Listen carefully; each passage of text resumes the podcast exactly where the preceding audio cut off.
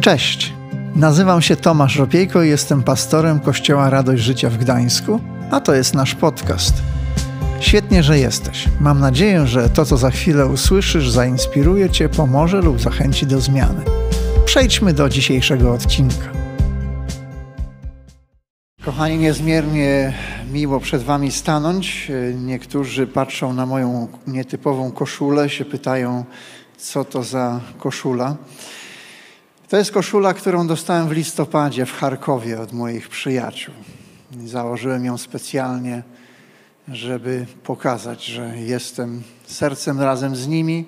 Ich domy dzisiaj są ostrzeliwane, nie mogą być w swoich domach, że jesteśmy też i my jako Kościół z całym narodem ukraińskim. A my, kochani, wracamy do naszego cyklu. Drugi semestr naszego cyklu Dorośnij Kościele, cyklu opartego o list do Efezjan. I tak jak pierwsze trzy rozdziały listu są może bardziej teoretyczne, te trzy pozostałe są praktyczne. Te trzy pierwsze to takie doktrynalne podłoże pod styl życia, do którego nas powołuje i który umożliwia nam Jezus Chrystus. Słowo i działanie muszą iść ręka w rękę. Słowo pozbawione działania jest tylko pustą teorią. Działanie bez wyjaśnienia jest niepełnym komunikatem. Dlatego potrzebujemy zarówno wiedzieć, w co wierzymy, dlaczego wierzymy, a z drugiej strony praktycznie to, w co wierzymy, realizować. I o tym jest ten list mówi nam najpierw o tym, co mamy w Chrystusie, co Chrystus dla nas zrobił, a potem mówi nam o tym, jak to się ma do naszego codziennego życia. Dzisiaj mamy radość mówić o Kościele. Przeczytajmy fragment z czwartego rozdziału listu do Efezjan, począwszy od wersetu dziesiątego. Ten, który zstąpił, jest tym samym, który wstąpił ponad wszystkie niebiosa, aby wszystko wypełnić. On też uczynił jednych apostołami, drugich prorokami, innych ewangelistami jeszcze innych duszpasterzami i nauczycielami. Uczynił to po to, by wyposażyć świętych do spełniania właściwych ich, im zadań, do budowania ciała Chrystusa. Aż dojdziemy wszyscy do jedności wiary i pełnego poznania Syna Bożego, do doskonałości właściwej, dojrzałych i dorośniemy do wymiarów pełni Chrystusowej. Chodzi bowiem o to, abyśmy już nie byli dziećmi rzucanymi przez fale i unoszonymi przez każdy powiew nauki, będący w rzeczy samej wyrazem ludzkiego oszustwa i sprytu w posługiwaniu się zwodniczymi metodami. Przeciwnie, zależy mi, byście pod każdym względem jako prawdomówni w miłości rozwijali się i coraz bardziej przypominali Jego, który jest głową, Chrystusa. Z Niego czerpie całe ciało, każda Jego część we właściwy sobie sposób łączy się z innymi i wzajemnie zasila, a dzięki temu wszystkie rosną w otoczeniu miłości. Aby zobrazować to, czym jest Kościół i jak Kościół funkcjonuje, Paweł posługuje się tutaj, ale też i w dwunastym rozdziale pierwszego listu do Koryntian obrazem ludzkiego ciała, ludzkiego organizmu. I gdy myślimy o genialnym projekcie, bo inaczej nie można mówić, ludzkiego organizmu, to może się nam pojawić wiele różnych koncepcji. Możemy mówić o współpracy, o spójności, możemy mówić o współzależności, o jednomyślności, możemy nawet mówić o elastyczności, którą wraz z wiekiem ach, różnie to bywa, nie? Ale z kościołami też różnie bywa. Kościół im dłużej funkcjonuje, też grozi mu utrata elastyczności. Ten obraz można rozpatrywać na wiele różnych sposobów, ale nie martwcie się, my zajmiemy się tylko dwoma głównymi myślami. Powiemy sobie po pierwsze o jedności, a po drugie o rozwoju. Wcześniej w drugim rozdziale tego samego listu czytamy o tym, co Chrystus zrobił, umierając na krzyżu. Że On zniósł mur nieprzyjaźni między ludźmi. Tam jest napisane, że między Żydami i między tymi, którzy Żydami nie są, czyli poganami. Że nie ma już podziału, że ludzie powinni i mogą być jednością. Mogą się ze sobą razem jednać ze względu na Chrystusa. Jedność duchowa jest więc faktem. A nasze zadanie polega na tym, abyśmy o tę jedność dbali, byśmy ją pielęgnowali. W czwartym rozdziale, na początku, w fragmencie, którego nie czytaliśmy, Paweł wyjaśnia, że każdy z nas powinien dbać o jedność duchową. Nowy Testament sporo o tym mówi, prawda? Pan Jezus modli się, abyście byli jedno. Apostoł Paweł wielokrotnie w swoich listach napomina pokłóconych, skłóconych chrześcijan. Mówi, aby tak nie było, by byli jedno w Chrystusie, by byli jednomyślni w Chrystusie. Ale czym jest ta jedność? Jedność nie oznacza jednorodności. Jedność to dar łaski Bożej, który odbywa się na poziomie serca.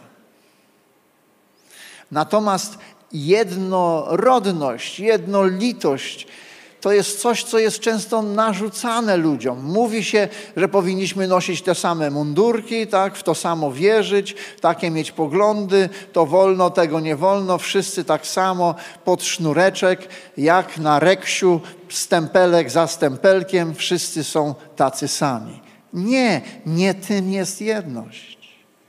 Bo obraz ciała mówi nam o tym, że jest jedno ciało, ale składa się z różnych części, jakże różnych od siebie. Zgadzamy się? Na początku Paweł o tym mówi i tutaj daje nam do zrozumienia, że naszym zadaniem jest łączyć, a nie dzielić. Szukać jedności, budować mosty, a nie mury między ludźmi, między kościołami, między narodami to jedność jest czymś, o, czym, o co musimy dbać. Wiecie, kultura Zachodu bardzo mocno podkreśla indywidualizm. Koncentruje się na jednostce, a to doprowadziło i prowadzi do swoistej atomizacji społeczeństwa, co znaczy, że my mamy na to nawet wyjaśnienie polskim przysłowiem. Każdy sobie rzepkę skrobie. Znamy to przysłowie, bo każdy jest zajęty sobą, bo nie jak kiedyś śpiewała silna grupa pod wezwaniem, bo nieważne czyje co je, ważne to je, co je moje. Tak, tego uczy nas kultura, w której dorastamy. I myślimy o sobie. Jupitery są na nas skierowane, na to, co dla nas jest ważne, dla nas jest istotne. I dlatego tak trudno nam jest zrozumieć ideę wspólnotowości. Wspólnotowości Kościoła, tego, że Kościół składa się z przeróżnych, przecudnych ludzi, ale jest jeden. I nam to jest trudno zrozumieć. Zlepek indywidualności to łatwiej nam zrozumieć, ale trudniej nam jest zrozumieć ciało złożone, jedno ciało złożone z różnych części. I tak jak sam obraz nie jest skomplikowany, prawda? My wszyscy rozumiemy, jak ciało funkcjonuje, ale jakoś nam dużo trudniej jest to odnieść do Kościoła. A mechanizmy są dokładnie takie same. O niektórych powiedzieliśmy, a niektóre zaraz przywołamy. Jedna z wartości naszego Kościoła mówi jedność w różnorodności. Jesteśmy kościołem składającym się z ludzi z różnych narodów. Jesteśmy ludźmi, kościołem składającym się z różnych ludzi, którzy pochodzą z różnych grup, z różnych warstw, mamy różne przekonania, różne, może nawet przekonania polityczne, kulinarne, modowe, jakiekolwiek. Jakbyśmy mieli okazję o tym wszystkim porozmawiać, to by się okazało, jak różni jesteśmy. Jak dla mnie to jest fantastyczne. Bo jakbyśmy wszyscy byli tacy sami, to by było nudno. Ale to mówi o bogactwie, o tym, że każdy z nas jest inny, każdy na swój inny sposób odzwierciedla Bożą naturę. To jest przepiękne, przecudowne. I Bogu się upodobało, żeby nas wszystkich zebrać i z nas zrobić jeden Kościół, jedno ciało. Różne pokolenia, i młodsi, i starsi. W Kościele, w Królestwie Bożym nie ma miejsca na konflikt pokoleń. Nie wiem jak wy, ale ja nigdzie go w Biblii nie znajduję.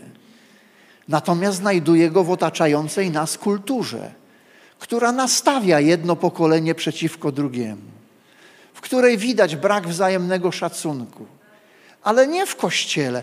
Kościół jest miejscem, chociaż jesteśmy różni, szanujemy siebie nawzajem, kochamy siebie nawzajem i nikt nikomu nie chce na kolanie prostować kręgosłupa, przynajmniej mam nadzieję.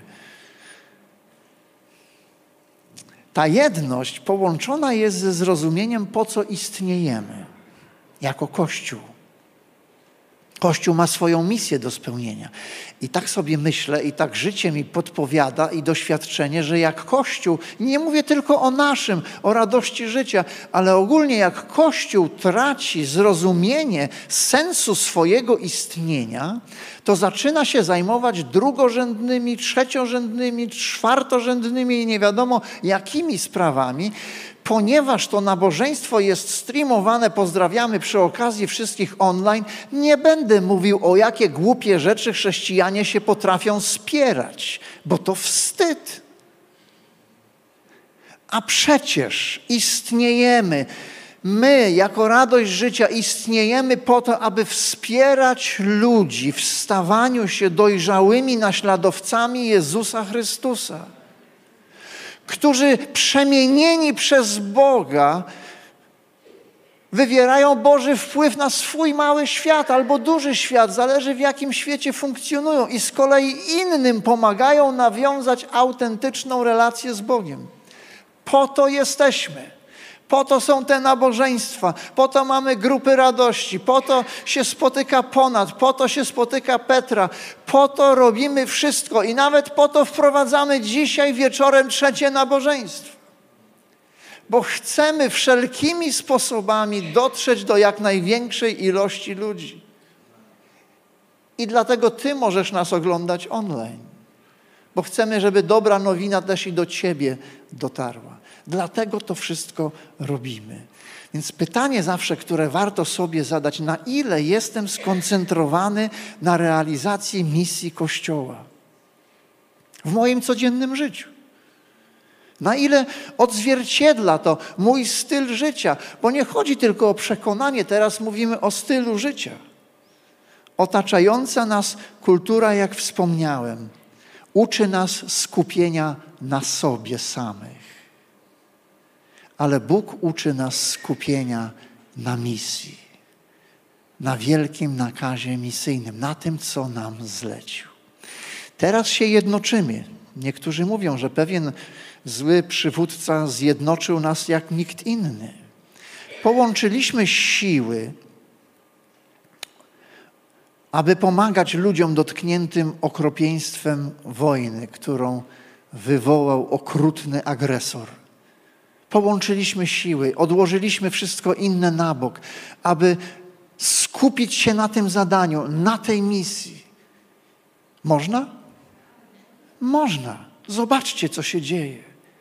I to jest właśnie ten mechanizm, gdy my pozostajemy skupieni na tym, czego Bóg chce, żebyśmy zrobili, wówczas robimy niezwykłe rzeczy, piękne rzeczy. Ja naprawdę jestem poruszony Waszą dobrocią, tym jak, jak Wy funkcjonujecie, jak my jako Kościół funkcjonujemy. Jedni ludzie dzwonią i mówią: No dobrze, ja mogę to zrobić, ja mogę tamto zrobić. Inni wpłacają. Beata, nasza szefowa banku informacji, zapisuje, kto tam co by chciał zrobić, co może, a ten ma pokój, ten ma mieszkanie, ten może przyjąć tylu, ten może przyjąć tylu, ten ma tyle czasu, ten, ma, ten zna taki język, ten zna taki język. I ona to ma na jednej stronie sobie wszystko wpisane, a po drugiej wpisuje, słyszy, jedzie taka rodzina. O dobrze, gdzie ta rodzina, to my ją zaraz tu, a potrzeba jest taka i taka i taka. I, i potem dzwoni i łączy. Ciało jest jakie? Jest połączone. My mówimy naszym języku, żargonie wewnętrznym o połączeniach życiodajnych. My jesteśmy połączeni życiodajnymi połączeniami. Zły zrobi wszystko, by je poprzecinać. No ale jak się rękę odetchnie, odetnie, ręka długo nie potrzyma, nie? Czy potrzyma? Nie da rady. Ciało jakieś sobie poradzi, będzie pokancerowane, osłabione, ale no, no co? Co do naszego ciała rozumiemy, ale te same mechanizmy działają w Kościele. Chrystus umierając na krzyżu dał nam pojednanie, przyniósł pojednanie nieba z ziemią, ale też przyniósł pojednanie ziemi z ziemią. To od nas zależy. To od nas zależy, od nas ludzi. Możemy z tego skorzystać albo możemy wywoływać wojny. Wojny duże albo małe. Wojny domowe albo wojny narodowe. Tyle o jedności. To by wskazywało, że jesteśmy w połowie. Cieszycie się? Mhm. Teraz będzie druga część o rozwoju, bo to jest nasze drugie słowo.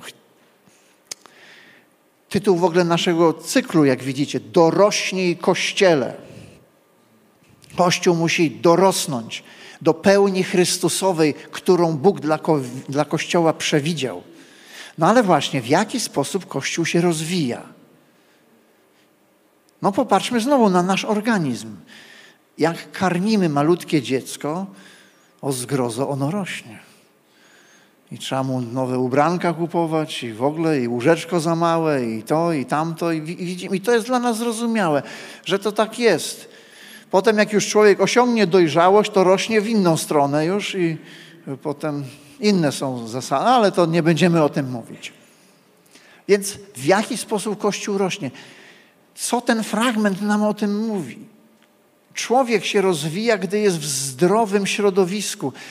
I tam zresztą na koniec, nie wiem czy zwróciliście uwagę, że ten Kościół się rozwija w środowisku miłości.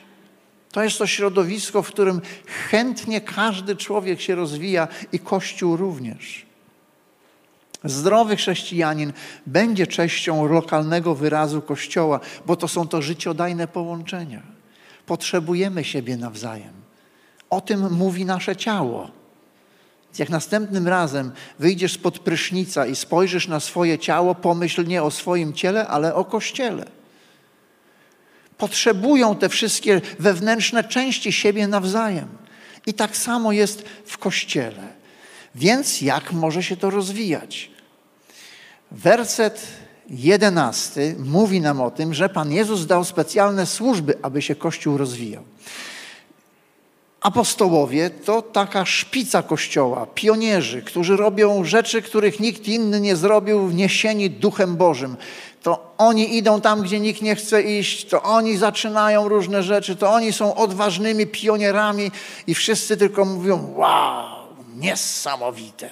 Są też prorocy, którzy przekazują świeże Boże Słowo na dany czas żebyśmy wiedzieli i, i tego się uczymy i to odbieramy od Boga. Są ewangeliści, którzy są zapaleni, żeby komuś tylko opowiedzieć Ewangelię, kto jeszcze Pana Jezusa nie zna, bo wie, że Ewangelia ma moc przemienić życie. Są też pastorzy, którzy się zajmują tymi, którzy się Chrystusowi zawierzą swoje życie. Zgadza się? No bo jak ktoś odda swoje życie Bogu, przyjmie chrzest, to nie jest, że wszystko odhaczone, to dopiero początek drogi. On musi wzrastać, do dojrzałości dochodzić. I potrzebni są nauczyciele. Kim są nauczyciele? To ci, którzy przekazują przemieniające Boże prawdy w sposób inspirujący serce i zrozumiały. Aby ludzie mogli Staramy się. Jak nam idzie, to nie wiem, ale staramy się, żeby tak właśnie było. Bóg dał pełne służby. Ale pamiętacie, co one mają zrobić? Dwunasty werset nam wyjaśnia. Po co Pan Jezus dał te służby Kościołowi? Uczynił to po to, by wyposażyć świętych. Kim są ci święci? Wiemy, że święci to my wszyscy, którzy jesteśmy częścią Kościoła, którzy oddaliśmy życie Bogu, otrzymaliśmy nową naturę, jesteśmy w Bożych oczach święci. Zgadza się? Zgadza się. I te służby Bóg dał Kościołowi, żeby wyposażyły cały Kościół do usługiwania, bo tak jak w naszym ciele nie ma niczego, co jest niepotrzebne, wszystko coś ma jakieś zadanie, tak samo jest w Kościele. Każdy usługuje i przez to się rozwija. On sam się rozwija, ale też rozwija się Kościół. Więc z jednej strony mamy tych, którzy mają wyposażyć, a z drugiej strony mamy tych, którzy mają się dać wyposażyć. I to jest pytanie, czy ci, którzy wyposażać powinni, wyposażają, a czy ci, którzy powinni być wyposażeni, dają się wyposażyć. Bóg nas uczy, że tak jak w ludzkim organizmie każda część ma do odegrania jakąś rolę, tak samo jest w Kościele. I to nie jest taki obraz, że Kościół się skrzyknie, wspólnie zatrudnią pastora, jego pomocników i oni tam zajmą się tą służbą, niech oni się tym zajmą, a my przyjedziemy i, i o. Nie, tak nie jest. Ja przyznam szczerze, że jestem naprawdę dumny z naszego Kościoła, bo, czyli z Was. Dlaczego? Bo przed pandemią żeśmy szacowali, że dwie trzecie spośród nas jest zaangażowane w służbę Kościoła. Dwie trzecie, co uwierzcie mi, jak na ziemskie standardy, jest naprawdę bardzo porządnym wynikiem. Pandemia ten obraz zakłóciła, nie wiemy dokładnie jak to teraz jest, ale ja naprawdę mam ogromny szacunek i, i przeogromną wdzięczność dla każdego z Was, którzy w taki czy inny sposób odbieracie to Boże powołanie i usługujecie i umacniacie Kościół, budujecie Kościół, sprawiacie, że ten Kościół się rozwija. Bo ja sam tego nie jestem w stanie zrobić. Więc jesteśmy w tym razem i to jest przepiękne. Każdy, jeżeli każdy wypełnia tą swoją rolę, to uważam, że razem wykonamy fantastyczną pracę, ale posłuchajcie, przy tym nikt nie będzie przemęczony. Genialne. Problem się zaczyna wtedy, kiedy niektórzy ze względu na bierność innych są obciążani ponad miarę. Jeśli jedna część mówi wypadam, to ktoś inny musi przejąć jej rolę. Albo tej roli, tej funkcji będzie organizm pozbawiony. Zgadza się? No i tak samo jest w Kościele. Obraz Kościoła jako jednego żywego organizmu, złożonego z wielu zasilających się części, jest nam kulturowo obcy. My z mlekiem matki na dzień dobry wysysamy, że Kościół to budynek. Potem kolejną fazą jest zrozumienie, że Kościół to ludzie. A kolejną fazą będzie zrozumienie, że Kościół to ciało składające się z ludzi. Kościół, którego głową jest Chrystus, a Kościół będący ciałem składającym się z nas, z którym każdy ma do odegrania rolę. Każdy w kościele jest powołany do usługiwania. Nie jest to dobra wiadomość? Ktoś się cieszy? Uu. Od lat powtarzam, od lat powtarzam, że każdy albo każda z nas bezproblemowo może osłabić Kościół. Naprawdę to jest bardzo łatwe zadanie. Oj, jakie to jest łatwe? Chcecie usłyszeć? Wystarczy nie zrobić nic. I po sprawie. Nie jest to genialne? Ale się nie cieszcie, nie planujemy otwierania służby, nic nie robienia w kościele. Rozumiemy, że każdy do służby jest powołany. I wiemy, że jeżeli co, złamiemy prawą rękę, no to lewa musi się więcej napracować. Zgadza się? No zgadza się.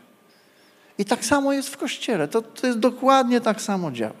I teraz znowu możemy wrócić na pole pomocowe.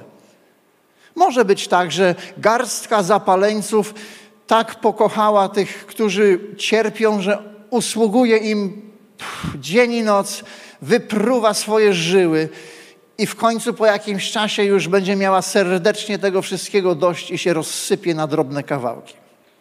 A reszta będzie się zastanawiała, co to z nim za problem. Co on taki niemiły, co on taki podirytowany jest. Ale jest niewyspany.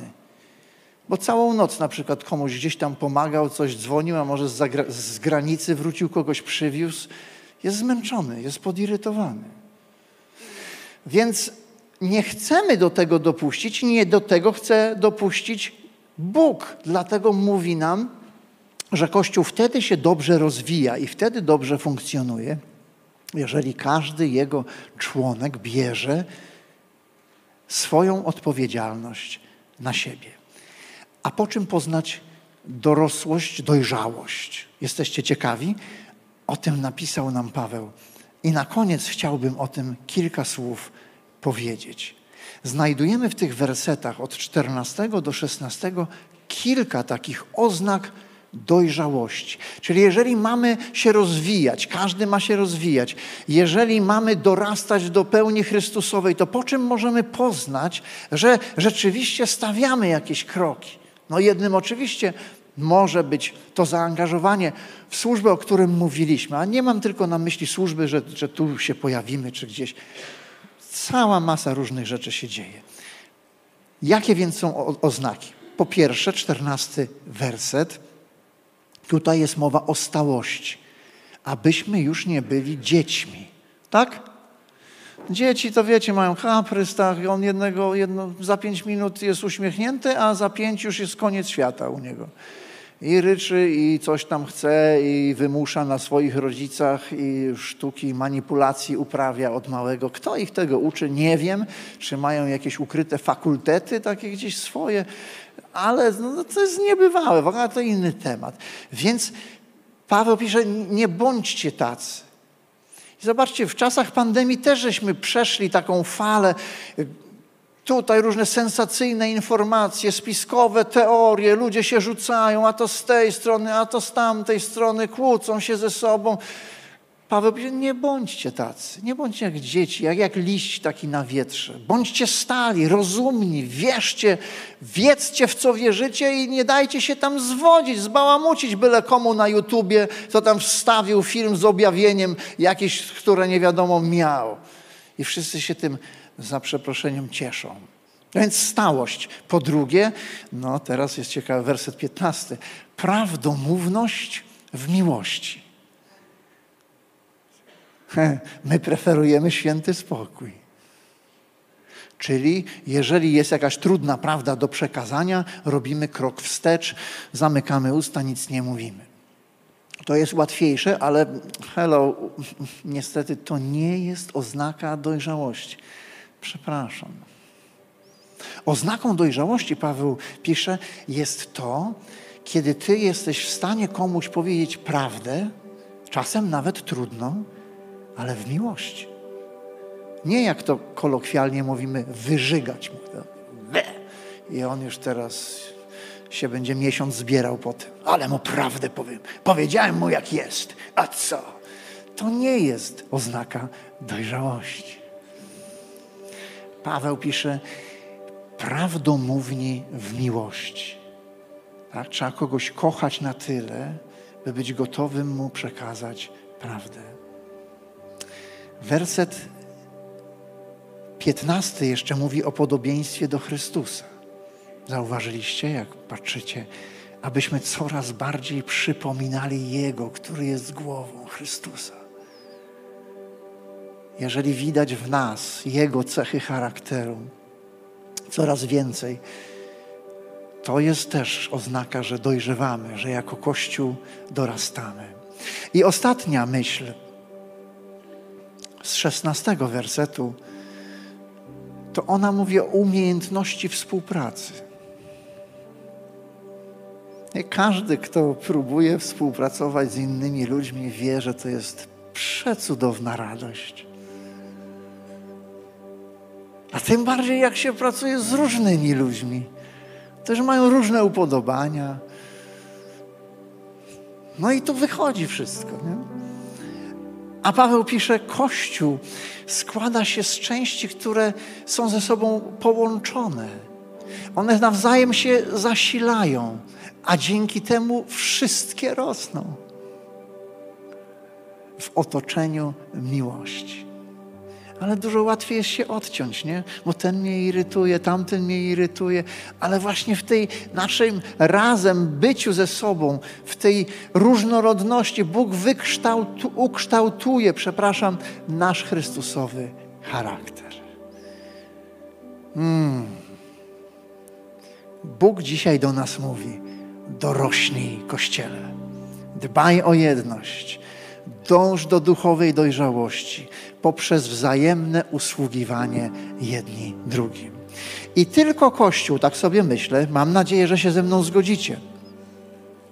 Tylko Kościół nacechowany jednością, skupiony na danej mu przez Boga misji, w którym każdy funkcjonuje zgodnie z Bożym powołaniem i obdarowaniem. Taki Kościół będzie mógł się zdrowo rozwijać i skutecznie wypełnić to, do czego Bóg go zlecił. Ma to sens? To czas się modlić. Czas pomyśleć trochę o sobie. No ale mówiłeś, pastorze, że nie mamy tak o sobie myśleć. Tak, o sobie też trzeba myśleć. I o Kościele. Powstańmy, kochani. W jakim miejscu ty dzisiaj jesteś, jak tak patrzysz na siebie, odbijasz się w lustrze tego słowa. Na ile umacniasz jedność, na ile ludzie o Tobie mówią, że jesteś człowiekiem pokoju, który niesie pokój. Pan Jezus powiedział: Błogosławieni pokój czyniący, albowiem oni nazwani będą synami Bożymi bo Syn Boży przyniósł pokój. On jest księciem pokoju. Pokój między niebem i ziemią i pokój między ludźmi. Obyśmy chcieli z tego korzystać w naszych przyjaźniach, w naszych domach, małżeństwach, w naszej wspólnocie, w naszym państwie, we wspólnocie Europy. Na ile znasz swoje miejsce w kościele? Na ile usługujesz tym, co Bóg ci dał? A może tak słuchasz tego wszystkiego i zastanawiasz się, jak możesz mieć relację z Bogiem. Nie jesteś jeszcze pewny, czy chcesz z Nim ułożyć sobie życie. To dobry moment, by Mu o tym powiedzieć o Twoich dylematach. Pomódlmy się, kochani. Wznieśmy ręce do Niego, otwórzmy serca. Porozmawiaj z Bogiem o, o sobie samym, o sobie samej. I porozmawiajmy o nas. Panie, dziękujemy Tobie tak bardzo. Tak bardzo, bardzo serdecznie Ci dziękujemy za to, że, że ukochałeś nas do tego stopnia, że oddałeś za nas życie, co dzisiaj wspominaliśmy. Tak bardzo dziękujemy Ci, że w Tobie jest pojednanie i, i w Tobie jest jedność. Uczyń nas ludźmi, którzy tworzą jedność, Panie. Jedność w naszych domach, w przyjaźniach, ale też jedność w kościele, o jakiej rozmawialiśmy Dziękujemy Ci za to, że jesteśmy tak różni w radości życia, że, że jesteśmy niesztampowi, Panie. Za to Ci cudownie dziękujemy. I chcemy uczyć się w tej różnorodności usługiwać razem na Twoją chwałę, Panie, byś Ty był wywyższony. Chcemy się do Ciebie upodabniać, chcemy być stali w naszej wierze, Panie. Chcemy uczyć się mówić sobie prawdę w miłości. Chcemy uczyć się współpracować ze sobą nawzajem na Twoją chwałę i dlatego, aby ludzie mogli Ciebie poznać, bo Ty jesteś odpowiedzią na ludzkie problemy, Panie. Chcemy też modlić się o tych spośród nas, czy tutaj, czy online, którzy nie zawierzyli jeszcze swojego życia Chrystusowi, ale zastanawiają się, jak mogą to zrobić. Panie, dotykaj się ich serc. Prowadź ich, strzeż. A jeśli my możemy być dla nich jakąś pomocą, pokaż nam. Chcemy Ciebie uwielbić, Panie. Chcemy wyznawać Twoją wspaniałość, Twoją cudowność. Wznieśmy, kochani, nasze głosy do Niego. Uwielbijmy Go jak najlepiej potrafimy.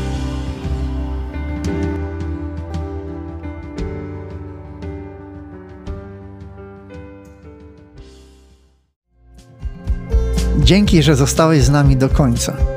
Pamiętaj, że odcinki pojawiają się w każdy poniedziałek o 18. Jeśli chcesz dowiedzieć się o nas więcej, to wejdź na stronę kazetgdańsk.org. Do usłyszenia.